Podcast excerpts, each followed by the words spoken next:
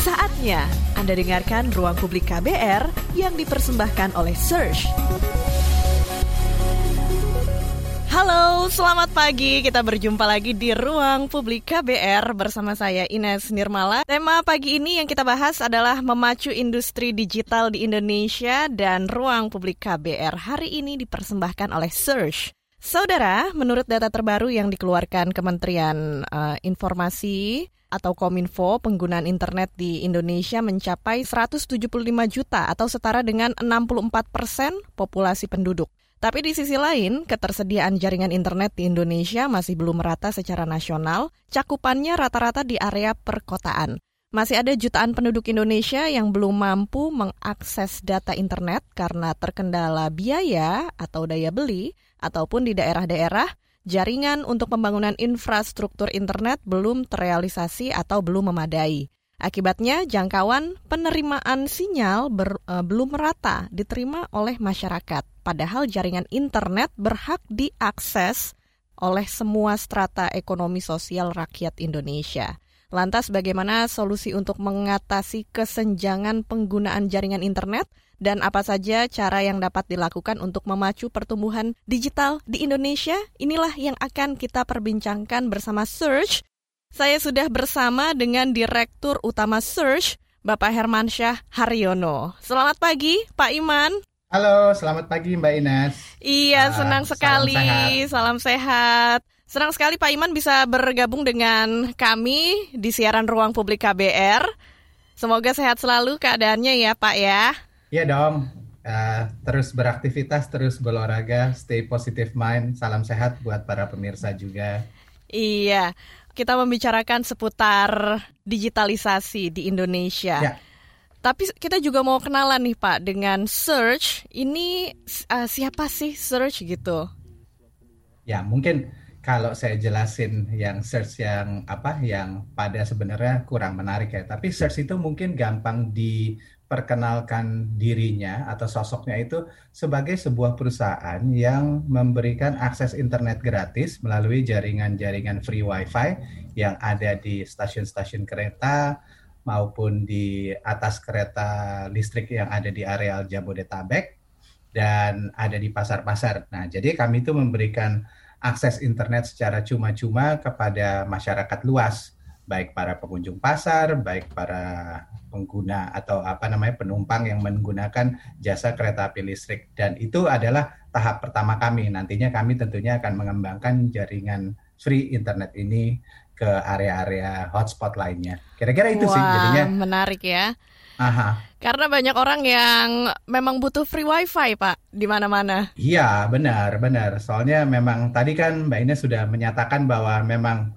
apa namanya akses internet yang berkualitas dan terjangkau itu penyebarannya masih kurang merata. Hmm. Kalau sekedar akses internet aja banyak ya, tapi yang berkualitas dan terjangkau terjangkau itu masalahnya quite challenging ya walaupun kita ada di di kota-kota besar dan kalau kita saya ngomongnya ada di Pulau Jawa ya, apalagi gitu. Nah, jadi dengan dengan adanya hole ini, lubang ini, Search mencoba untuk memberikan apa namanya, memberikan fasilitas itulah kepada masyarakat luas. Iya, kalau membicarakan tentang tantangan atau ketersediaan jaringan internet di Indonesia memang masih belum merata apalagi di daerah-daerah di luar Pulau Jawa, daerah yang terpencil itu sudah pasti sulit mendapatkan akses internet. Kalau hmm. uh, menurut Pak Iman nih, apa saja tantangan dan kekurangan dalam penyediaan internet di Indonesia? Ya, jadinya memang di Indonesia itu uh, tantangannya itu internet akses ini uh, didesain uh, sebagai sebuah warisan dari zaman dulu ya dari zaman dulunya nggak dulu dulu banget sih sebenarnya sejak dari tahun berapa ya mungkin dari tahun uh, 2005 lah kira-kira begitu ya atau nggak awal-awal 2000 nah jadi internet di Indonesia itu pertama kali uh, diperkenalkan ada yang namanya jaringan internet melalui modem kan 56k mm -hmm. itu yang zaman dulu kita ingatlah yang bunyinya kalau kita melakukan dial up. Nah, tapi pada saat itu penetrasinya masih belum terlalu merata, masih belum terlalu meroket gitu ya. Alasannya karena memang 56K itu KBPS itu masih nggak bisa ngapa-ngapain. Kita cuma bisa searching or query text basis uh, informasi ya. Nah, terus kemudian hadirlah telco-telco kan. Nah, telco-telco ini hadir dan akhirnya booming waktu zamannya 3G, 3.5G hingga 4G. 4G itu di akhir tahun 2009, awal 2010-an lah. Nah, pada saat 2010 inilah sebenarnya begitu 4G keluar internet seperti yang kita kenal sekarang ini meroket ya. Jadi ya terus keluarlah startup-startup la uh, lainnya. Sebenarnya apa sih yang di-enablekan sama para uh, seluler operator itu? Sebenarnya mereka tuh mengenablekan jaringan internet itu sendiri secara wireless ya. Nah, di Indonesia itu penetrasi internet itu masuknya itu nggak seperti negara-negara maju lain. Negara maju lain itu kan internet itu masuknya dari modem ke kabel modem, ADSL dan lain sebagainya, terus ada evolusinya. Indonesia dari modem 56K, terus ada sedikit-sedikit kabel modem, tiba-tiba boom langsung masuk si apa namanya si si si wireless ini sendiri. Nah, pertanyaannya Mbak tadi, Uh, gimana sih tentang per perkembangan internet di Indonesia ini atau jaringan infrastruktur ini? Nah, karena memang pada saat itu apa namanya megabit dan uh, akses in, internet itu di apa ya menjadi barang dagangannya operator itu sendiri kan. Mm-hmm. Nah itu jadi internet itu di provide di area-area yang memiliki uh, apa tuh namanya yang memiliki potensi pasar sehingga pemasangan coveragenya itu dipasang di area-area yang banyak penggunanya. Oh. Nah padahal setelah kita berkembang dan mencapai ke detik ini nih kita tahu bahwa akses internet itu is nomor uh, apa namanya bukan merupakan barang dagangan yeah. bukan bukan komoditi bahkan mungkin suatu saat ya nanti in the future kita bisa bilang bahwa akses informasi ini sebagai hak asasi gitu loh. Nah, Betul. ini sih sebenarnya uh, shifting ke arah sini nih yang yang yang yang yang yang masih debat sementara kita juga harus melindungi teman-teman yang di seluler operator atas jasanya memperkenalkan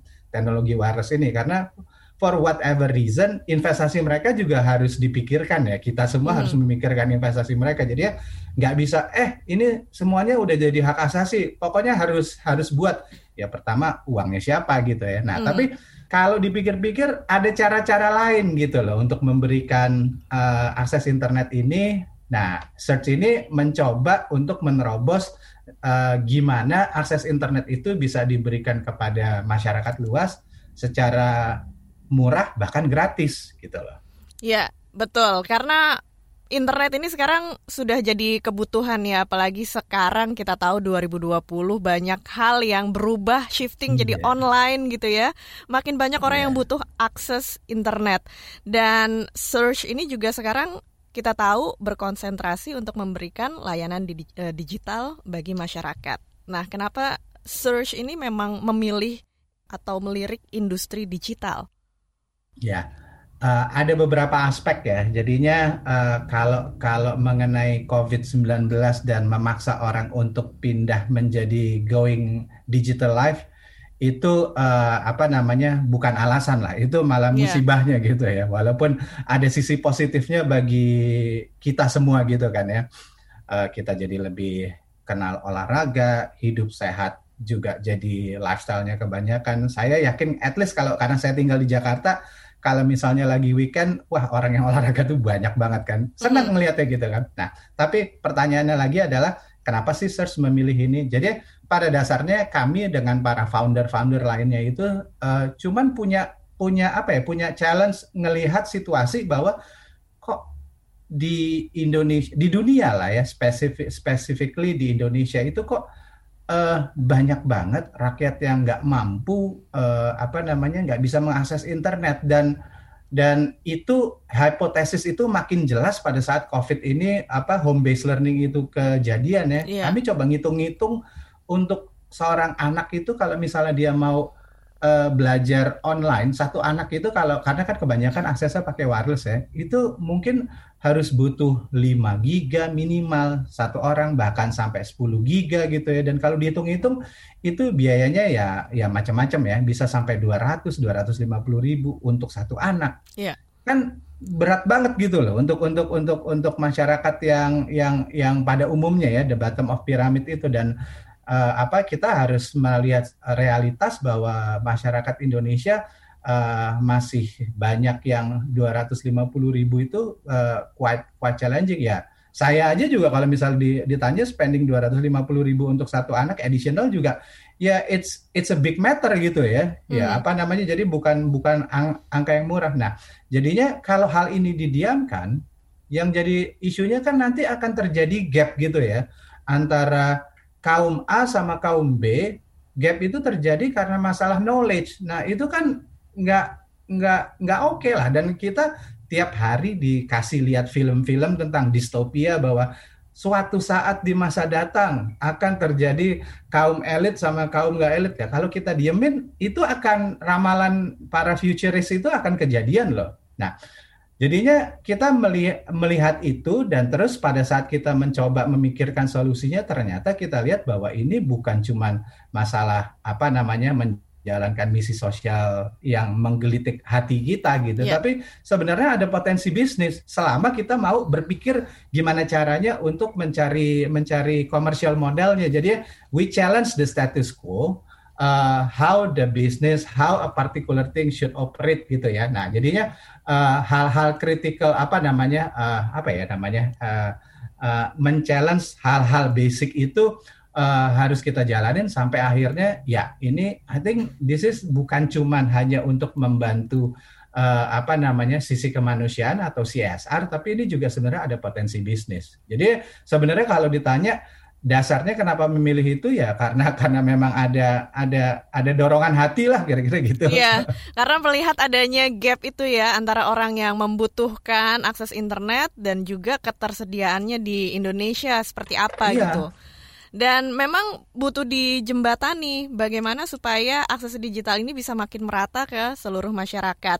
Nah, kalau mm -hmm. ditanyakan uh, tujuannya apa sih yang ingin dicapai oleh Search? Apakah ingin agar Indonesia semakin digitalize di masa depan? Ya, kalau ditanya tujuannya nomor satu untuk membangun infrastruktur digital di Indonesia menjadi siap uh, apa namanya lebih siap take off lah kalau ibaratnya dianalogikan menjadi sebuah pesawat gitu ya mungkin kami coba membangun uh, apa ranah du, uh, digital space itu dengan landasan pacunya yang lebih panjang sehingga nanti pesawat-pesawat yang besar bisa bisa bisa terbang yeah. Ya. uh, karenanya. Nah jadi yang kami bangun itu adalah pembangunan jaringan infrastruktur internet yang memiliki kapasitas besar dan kami bangun dengan apa namanya dengan cara yang paling efisien dan paling efektif menggunakan teknologi terakhir dan uh, di mana teknologi terakhir itu not necessarily lebih mahal ya bahkan teknologi terakhir itu kalau dihitung efisiensinya jadi lebih lebih menguntungkan value value-nya lebih lebih tinggi. Nah dengan ini semua kami itu mencoba uh, apa namanya tadi kan saya bilang bahwa kita akan apa namanya men menopang infrastruktur digital di Indonesia itu masih secara pasif.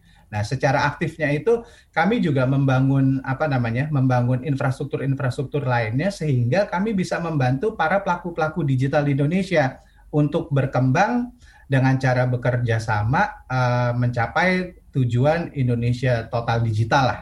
Mm -hmm. Nah, jadinya kami juga memiliki pilar-pilar uh, usaha lainnya di mana uh, para startup, para pelaku-pelaku digital industri lainnya, para apa namanya, para uh, existing industry players yang sedang melakukan transformasi digital untuk mau bekerja sama sehingga uh, tujuan masing-masingnya itu uh, bisa bisa bisa tercapai dengan mudah lah tidak harus berdarah-darah gitu. Karena hal ini mau nggak mau digital itu kan sebuah revolusi ya. Biasanya sebuah revolusi itu di mana pun pasti ada istilah berdarah-darah. Yeah. nah di sini kan berdarah-darahnya uangnya hilang nggak ada n apa tujuannya nggak sesuai dengan ekspektasi. Nah kalau misalnya kami dengan hadir ini kami mengundang semuanya untuk bekerja sama dengan kami sehingga objektif-objektif tadi itu nggak perlu apa ya nggak nggak nggak perlu bersakit-sakit terlalu sakit lah gitu ya bersakit-sakit pastilah yeah. apa uh, uh, gain only be achieved with pain kan tapi uh, jangan pain banget gitu jangan sampai berdarah bahkan iya iya iya iya ya memang itu bagian dari proses iya tapi jangan sampai berdarah-darah banget betul pak Oke, okay. iya. Pak Iman kita akan lanjutkan obrolan kita di ruang publik KBR tapi sekarang kita jeda dulu sejenak. Kita akan kembali lagi ke ruang publik KBR setelah yang satu ini. Masih Anda dengarkan Ruang Publik KBR yang dipersembahkan oleh Search. Halo, kita masih mendengarkan Ruang Publik KBR dan tema yang kita bahas di pagi hari ini adalah memacu industri digital di Indonesia bersama saya Ines Nirmala. Pagi hari ini sudah semakin seru dan ramai Ruang Publik KBR karena selain Pak Iman selaku Direktur Utama Search, juga sudah bergabung personil lainnya dari Search, ada Bapak Peter Sutrajaya, Sales ya, Director. Selamat, pagi. pagi. Iya, Sehat Pak selalu. Peter. Sehat selalu ya. Bagaimana ya, kabarnya? Ya, pastinya. Uh, baik, baik, baik. Oke. Okay. Cuma ya gini ya, karena pakai handphone jadi ada beberapa image background yang kepotong ya. Oke, okay, nggak masalah ya. Pak. Yang penting kita bisa ngobrol-ngobrol di ruang publik. Ada okay. juga Ibu Rebecca Marta atau biasa dipanggil Bu Ata. Ini adalah Bisdev Director dari Search. Selamat pagi. Halo. Pagi. Iya, senang sekali sudah bisa bergabung di ruang publik kali ini dan kita masih terus membahas tentang search dan juga layanan yang diberikannya, dihadirkan untuk masyarakat. Nah, uh, membahas seputar search yang hadir di industri digital Indonesia, tadi Pak Iman juga sudah membicarakan sedikit ya untuk ikut membantu pembangunan digital di Indonesia. Dan Search ini juga hadir untuk mendistribusikan internet kepada publik tanpa biaya. Wah, bisa dijelaskan nih konsepnya ini tanpa biaya. Mungkin Pak Peter atau Bu Ata bisa membantu menjawabnya. Nah, mungkin Ibu Ata. Kalau saya biasa bagian jual-jualan tuh gitu, nyari duit saya bagiannya. Oke. kan itu juga nyari duit. Oh, iya. Oke, okay, uh, eh, aku jelasin enaknya jelasin dari mana ya. So uh, sebenarnya itu konsep yang kami usung memang dari awal sih, dari awal kami menyediakan fasilitas uh, si layanan internet gratis itu kami muncul dengan konsep itu dari awal gitu. Kenapa? Karena ada alasannya juga gitu. Uh, kita membawa konsep ini karena kami ngerasa juga dari sisi penyebaran internet in, atau network di kalangan masyarakat itu belum merata gitu. So kami nggak pengen uh, merepotkan atau kami pengen ngambil market share dari orang-orang yang yang butuh layanan internet uh, gratis ini dengan membebankan biaya ke mereka gitu. Which is itu mungkin sudah dilakukan oleh bisa kita bilang mungkin hal itu sudah diimplementasikan oleh pengguna atau pelaku bisnis yang lain gitu. Tapi kami nggak pengen mengarah ke situ. Mungkin market share-nya akan overlapping, tapi kami ngerasa karena kami tidak ingin membebani masyarakat dengan uh, kebutuhan layanan internet WiFi, makanya beban itu tidak kami kasih ke pengguna gitu. Tapi uh, kami orang mungkin nanya gitu loh, terus kita, kalian jalan bisnisnya gimana kalau semuanya kalau kalian kasih gratis nah, gitu. Nah, itu dia pertanyaannya. Iya. Benar. Nah, kami ngelihat ada potensi kalau uh, dari sisi brand, dari sisi brand itu kan pasti butuh exposure atau butuh iklan gitu. Mau dalam kondisi pandemi pun mereka tetap butuh beriklan. Tujuannya kan supaya bisnis mereka tetap jalan gitu. Tujuannya yeah. mereka butuh tetap hadir di kalangan masyarakat gitu. Nah, kami menggunakan momentum itu supaya orang yang membutuhkan atau pelaku bisnis yang membutuhkan iklan itu yang akan membayar uh, layanan uh, internet gratis ini gitu loh, bukan ke pengguna gitu. Toh secara brand itu kan yang dituju itu adalah si pengguna WiFi tersebut. Mereka butuh eksis di uh, kalangan orang yang menggunakan WiFi. Makanya mereka memasukkan iklan di situ. So, might as well mereka yang membantu kita uh, menyediakan layanan internet wifi juga ke masyarakat dengan cara membayar iklan oh, gitu. seperti itu. Baik, berikutnya kita beri kesempatan untuk pendengar kita yang sudah bergabung lewat telepon. Ada Angga di Depok. Halo, selamat pagi. Iya, selamat pagi. Iya, Angga punya pertanyaan ya. atau komentar apa seputar search? Uh, ini saya mau nanya, kan saya pernah dengar kalau di bis-bis itu di negara lain punya ada jaringan wifi Nah, mm-hmm. kalau di bis-bis di Indonesia, Indonesia ini, kok saya perhatikan kok jarangnya yang ada wifi-nya itu. Hmm, gitu. Oke. Okay. Iya. Itu aja pertanyaannya?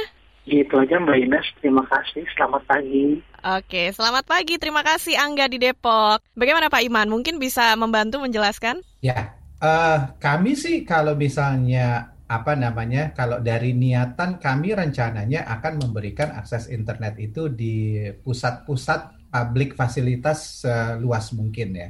Nah, Tapi kenapa kami belum masuk ke bus ke bus-bus? Karena kalau kami mau melakukan uh, pemberian free internet ke dalam bus-bus itu Uh, kami harus mengutilisasi jaringan operator uh, tele, uh, uh, telekomunikasi. Nah, sementara uh, itu yang menjadi tantangan kami ya. Sementara kalau kalau kami yang laku kami lakukan sekarang itu untuk memberikan fasilitas internet di stasiun dan di dalam kereta ya, terus kemudian di pasar ya seperti yang tadi saya sebutkan. Itu sebenarnya sumber internetnya itu akan kami provide dari internal kami sendiri karena kami saat ini sedang membangun jaringan fiber optik di samping rel kereta. Nah, uh, selain daripada ke tingkat keefisiensian untuk menyuplai internet itu dari jaringan kami sendiri, berikut juga berikutnya juga keuntungannya kami bisa mengontrol end to end quality-nya. Karena uh, at the end of the day kami itu pada saat kita mengklaim bahwa kami mau memberikan internet gratis itu objektifnya itu memberikan internet yang berkualitas. Jadi bukan cuma internet yang murah atau bahkan gratis, tapi kita, kami uh, berupaya untuk menghadirkan internet ber, berkualitas dalam artian misalnya speednya bisa 5 Mbps ya mungkin ada sebagian teman-teman ada yang paham lah mengenai 5 Mbps itu di mana akses speed internet yang cukup untuk bisa dipakai untuk menikmati konten streaming YouTube dan misalnya kita melihat siaran streaming radio ini nah jadinya kalau uh, kami jadinya tunggu tanggal mainnya aja deh. Jadi uh, kami uh, setiap saat akan selalu men-challenge status quo ya. Jadinya kalau misalnya memang tadi Mas Angga ya tadi ya, ada yang minta di bus-bus seperti di luar negeri, itu ada sudah ada di benak kami. Tapi kami lagi berpikir gimana caranya ya supaya bisa menyuplai itu secara efisien dan dan dengan biaya yang yang yang yang yang yang terjangkau dan kualitas yang baik. Oke, okay. baik. Nah, uh, juga di sesi kedua ini kita berbincang-bincang dengan narasumber kita ada tiga orang dari Search. Tapi nanti di sesi berikutnya, pendengar, Bapak Iman ini ada kepentingan yang sangat mendesak, jadi tidak bisa lanjut sampai akhir acara. Nah, Pak Iman, mungkin sebelum Pak Iman beranjak melakukan aktivitas berikutnya bisa uh, memberikan informasi atau pesan apa sih yang ingin disampaikan kepada pendengar kita? Harapannya Pak Baik. Iman seperti apa? Baik, nanti mungkin detailnya bisa dielaborasi dengan Bu Ata atau sama Pak Pak Peter. Tapi pesan yang mau saya sampaikan itu adalah uh, demikian.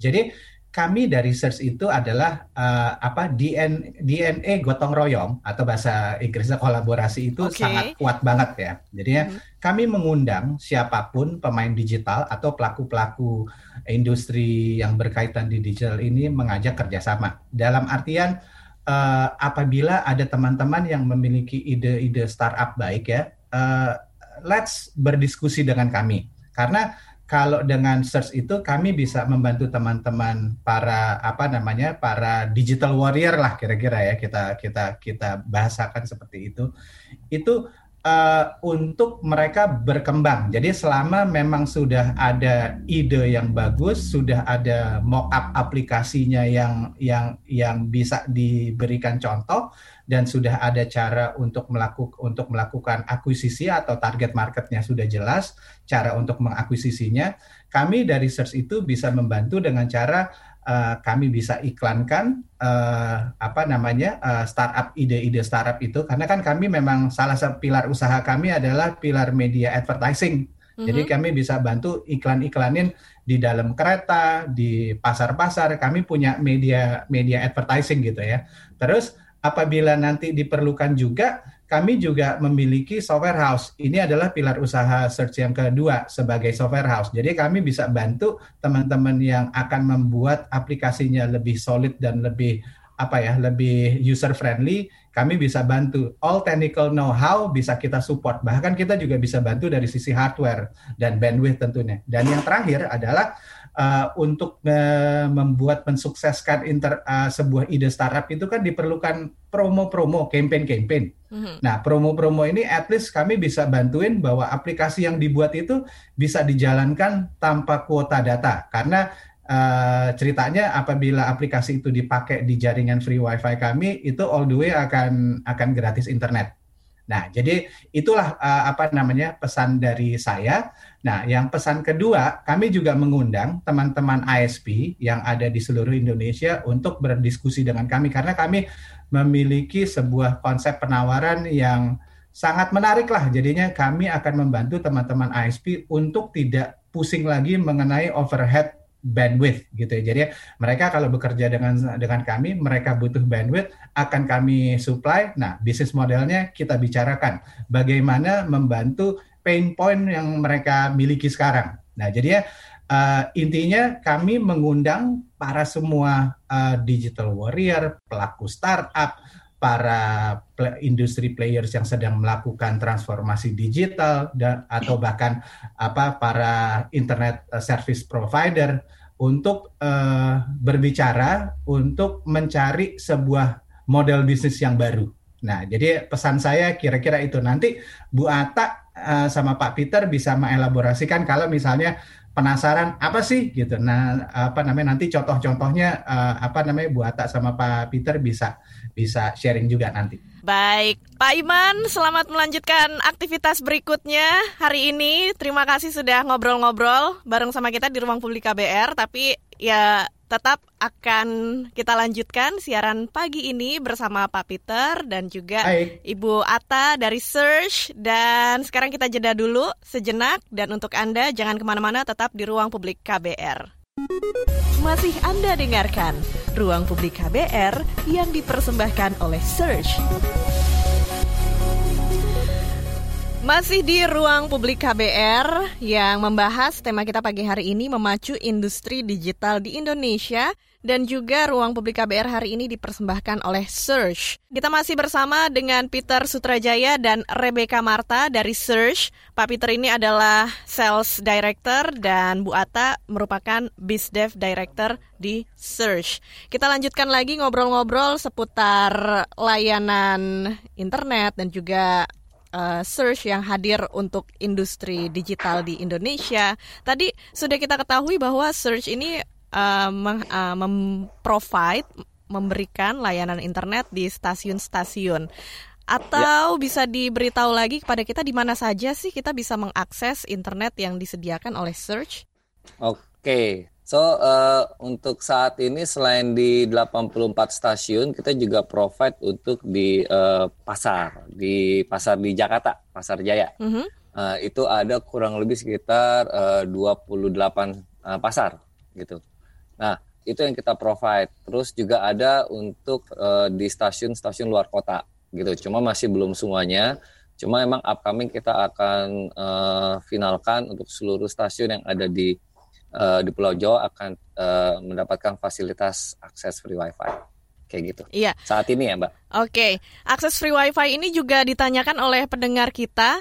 Bagaimana sih hmm. caranya untuk bisa mendapatkan akses internetnya ini? Ada Yahya dari Jakarta yang juga bergabung lewat telepon ingin bertanya ke pada narasumber kita. Langsung saja kita angkat teleponnya. Selamat pagi Pak Yahya. Iya, selamat, selamat pagi Pak Yahya. Iya. Bagaimana Pak ya. Yahya? Apa yang ingin ditanyakan seputar search? Saya mau tanya itu bagaimana saya mau bergabung nih dengan search. Mm -hmm. Bagaimana saya mau join? Join? Dengan search. Iya. Iya. Caranya bagaimana? Oke. Okay. Itu. Oh, Jadi oh, siapa? Bapak dari mana nih? Pak Yaya dari mana kalau boleh tahu? Saya di Jakarta. Uh, pekerjaan Bapak uh, bekerja di company apa? pelaku UKM ini dan ah. ada di PD oh. Pasar Jaya nih. Oke oke. Oke. Mungkin nanti kita bisa PD Pasar Jaya nih saya juga. Oke. Okay. Oh, Oke, okay, baik Pak Yahya. Iya, ada hubungannya nih dengan internet nih. Iya, nah, baik. Bagima oh. Bagaimana ya gitu?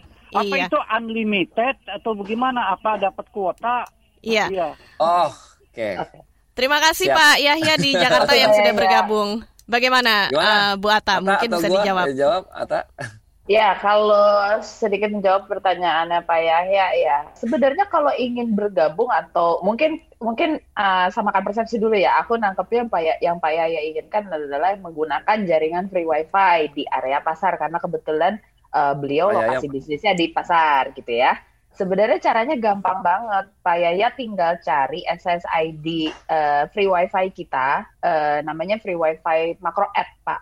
Nah, itu tinggal connect ke SSID melalui handphone, Kemudian nanti Pak Yaya akan dibawa ke satu uh, halaman uh, utama, kita bilangnya captive portal. Nah, nanti di situ uh, yang sudah connect SSID akan menonton iklan dulu selama 15 detik. Nah, setelah menonton iklan itu udah langsung dapat jaringan internet gratis gitu.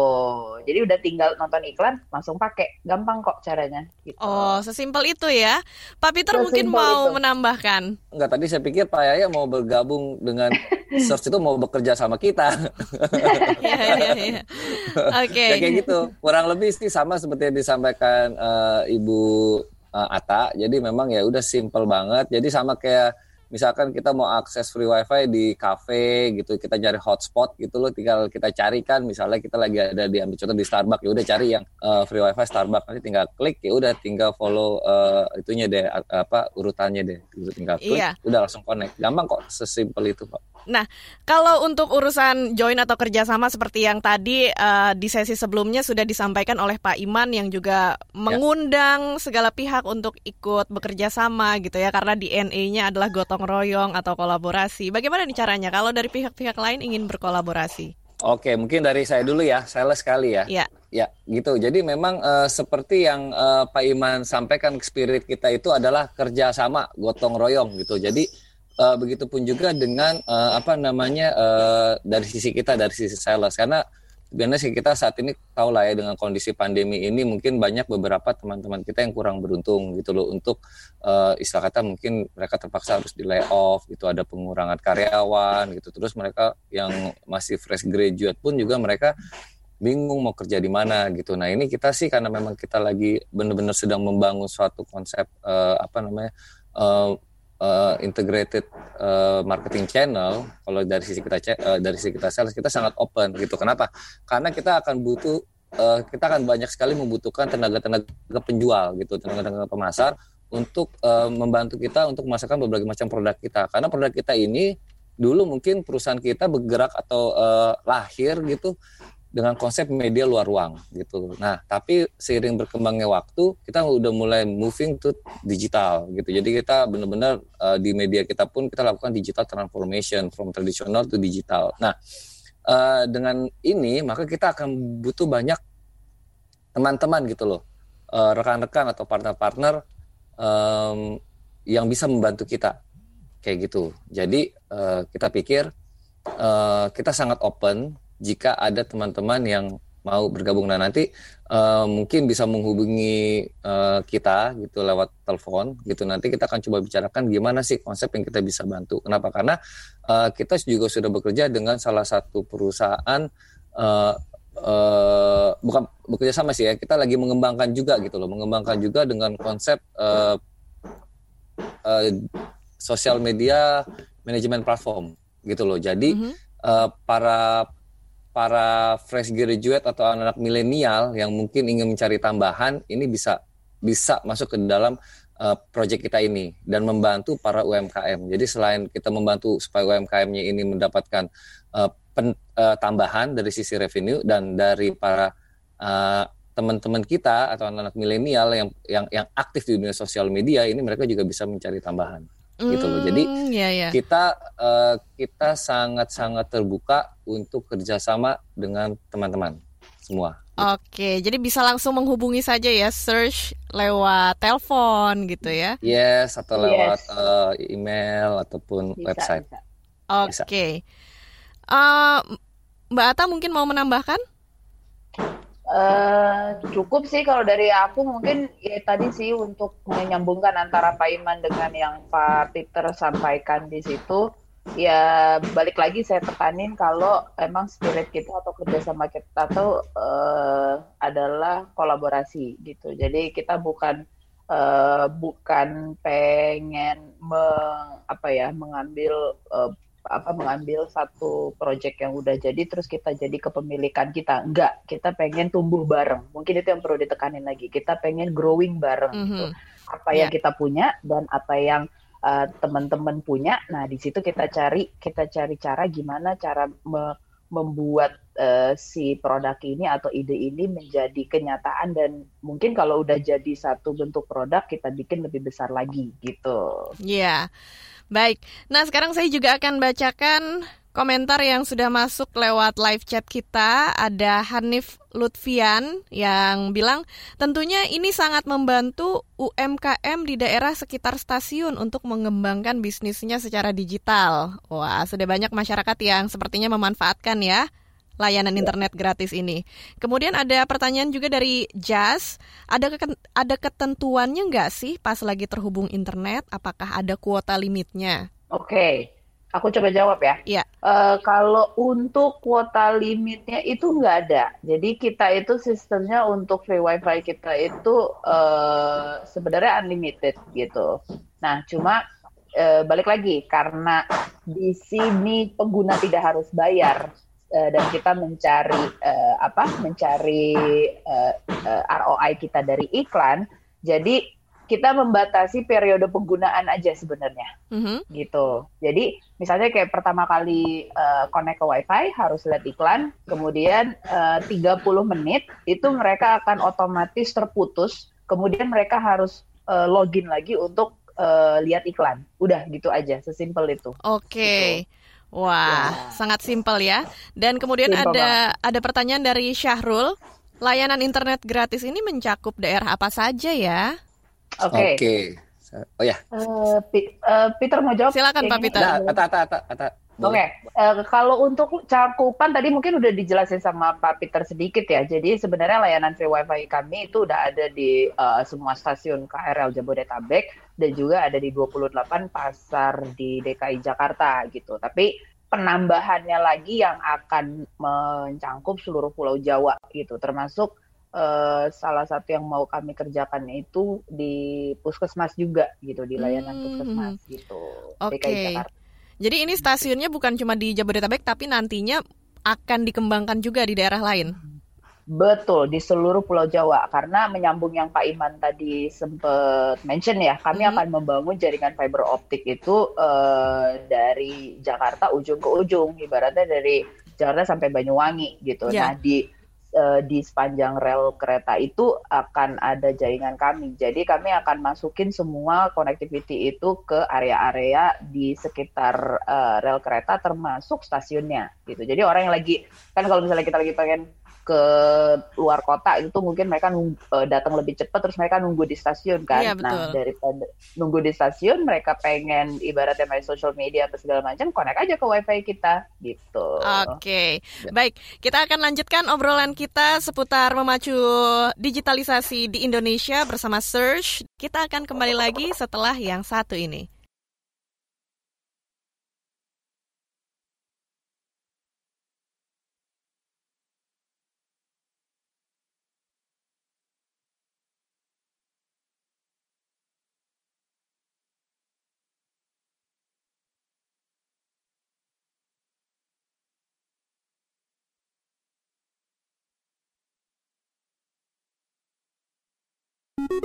Masih Anda dengarkan Ruang Publik KBR yang dipersembahkan oleh Search.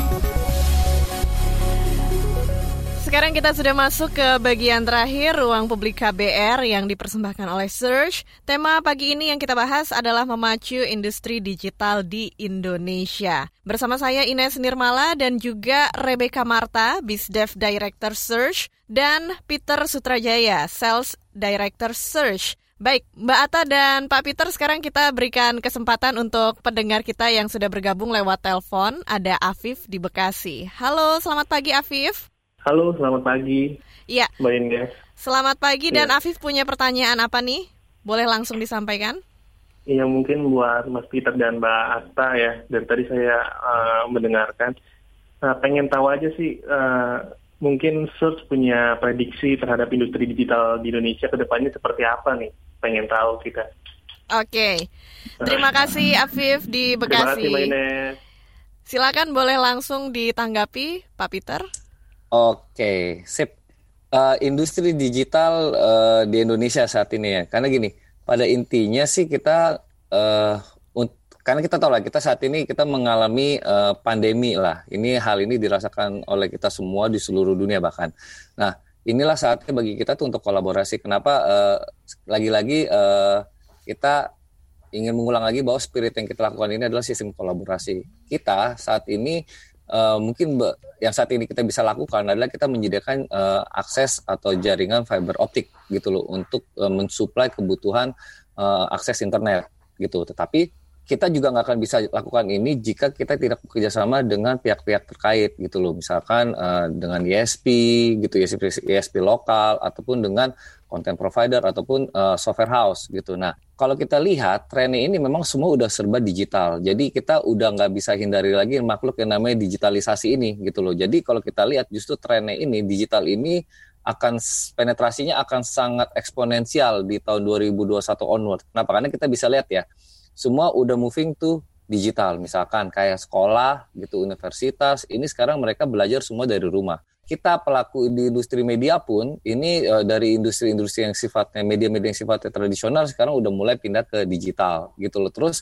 uh, kebiasaan orang untuk berbelanja itu juga udah mulai ke digital. Walaupun mereka belum meninggalkan yang tradisional sepenuhnya tapi digital ini udah menjadi salah satu faktor kebutuhan penting. Misalkan kita nggak akan kita akan lebih pusing kalau kita kehil ketinggalan handphone dibandingkan ketinggalan dompet Benar. gitu loh. Ini kan ya kan ini udah jadi satu fakta gitu loh. Artinya digitalisasi ini udah nggak bisa lepas dari kehidupan kita. Nah, maka kita sangat-sangat yakin makanya uh, kita ingin mengambil peran peran penting di dalam uh, istilah perkembangan dunia digital ini sebagai network access provider. Jadi kalau kita lihat, pokoknya buat teman-teman kita mungkin yang masih sekolah uh, kuliah ataupun uh, apa ya masih belajar gitu ya kalian nggak perlu khawatir kalian coba kembangkan untuk uh, mengekip diri kalian tentang produk-produk uh, digital gitu loh nah ini pasti akan akan sangat kepakai dan uh, jadi salah satu produk yang akan menjadi mungkin jadi kebutuhan primer kali ya digital sekarang ya. Betul. Gitu sih.